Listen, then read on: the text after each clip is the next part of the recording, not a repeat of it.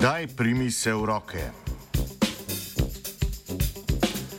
Pri razvoju bioničnih protez je ena izmed največjih ovir pomankanje čutil za dotik, ki so izjemno pomembna za uspešno ravnanje s stvarmi iz našega okolja. Znanstvena ekipa z Atlantske univerze na Floridi je zato predlagala nov način nadziranja bioničnih rok in sicer z uporabo večkanalnega haptičnega umestnika za simuliranje dotika. Tem je izboljšala ročne spretnosti uporabnika, ki lahko sedaj nosi dve stvari v isti roki.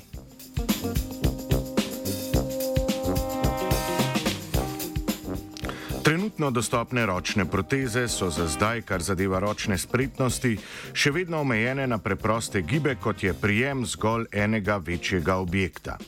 Čeprav so členki bionične roke enako gibčni kot tisti v naši roki, se problem pojavi pri pomankanju haptičnega odziva.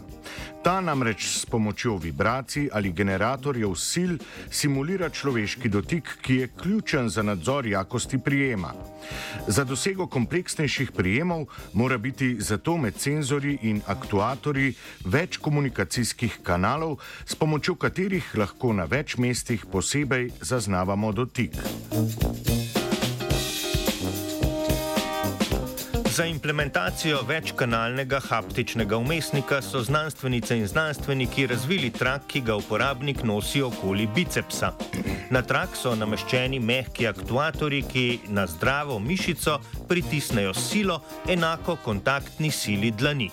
Tako lahko uporabnik čuti, kako močno prime določeno stvar.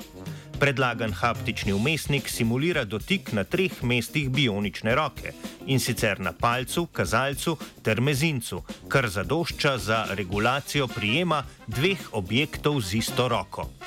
Poleg tega so na trak namestili še dodaten stimulator, ki začne vibrirati, ko so kontaktne sile prevelike in bi lahko zlomile objekt ali roko.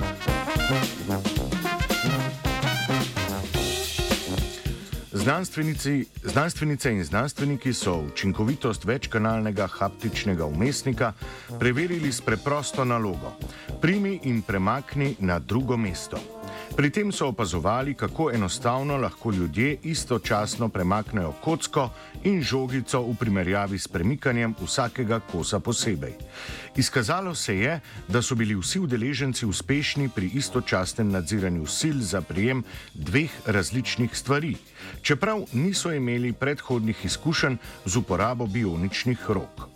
Predlagani način nadzora ima tako velik potencial za izboljšanje bioničnih protez, kot jih poznamo danes.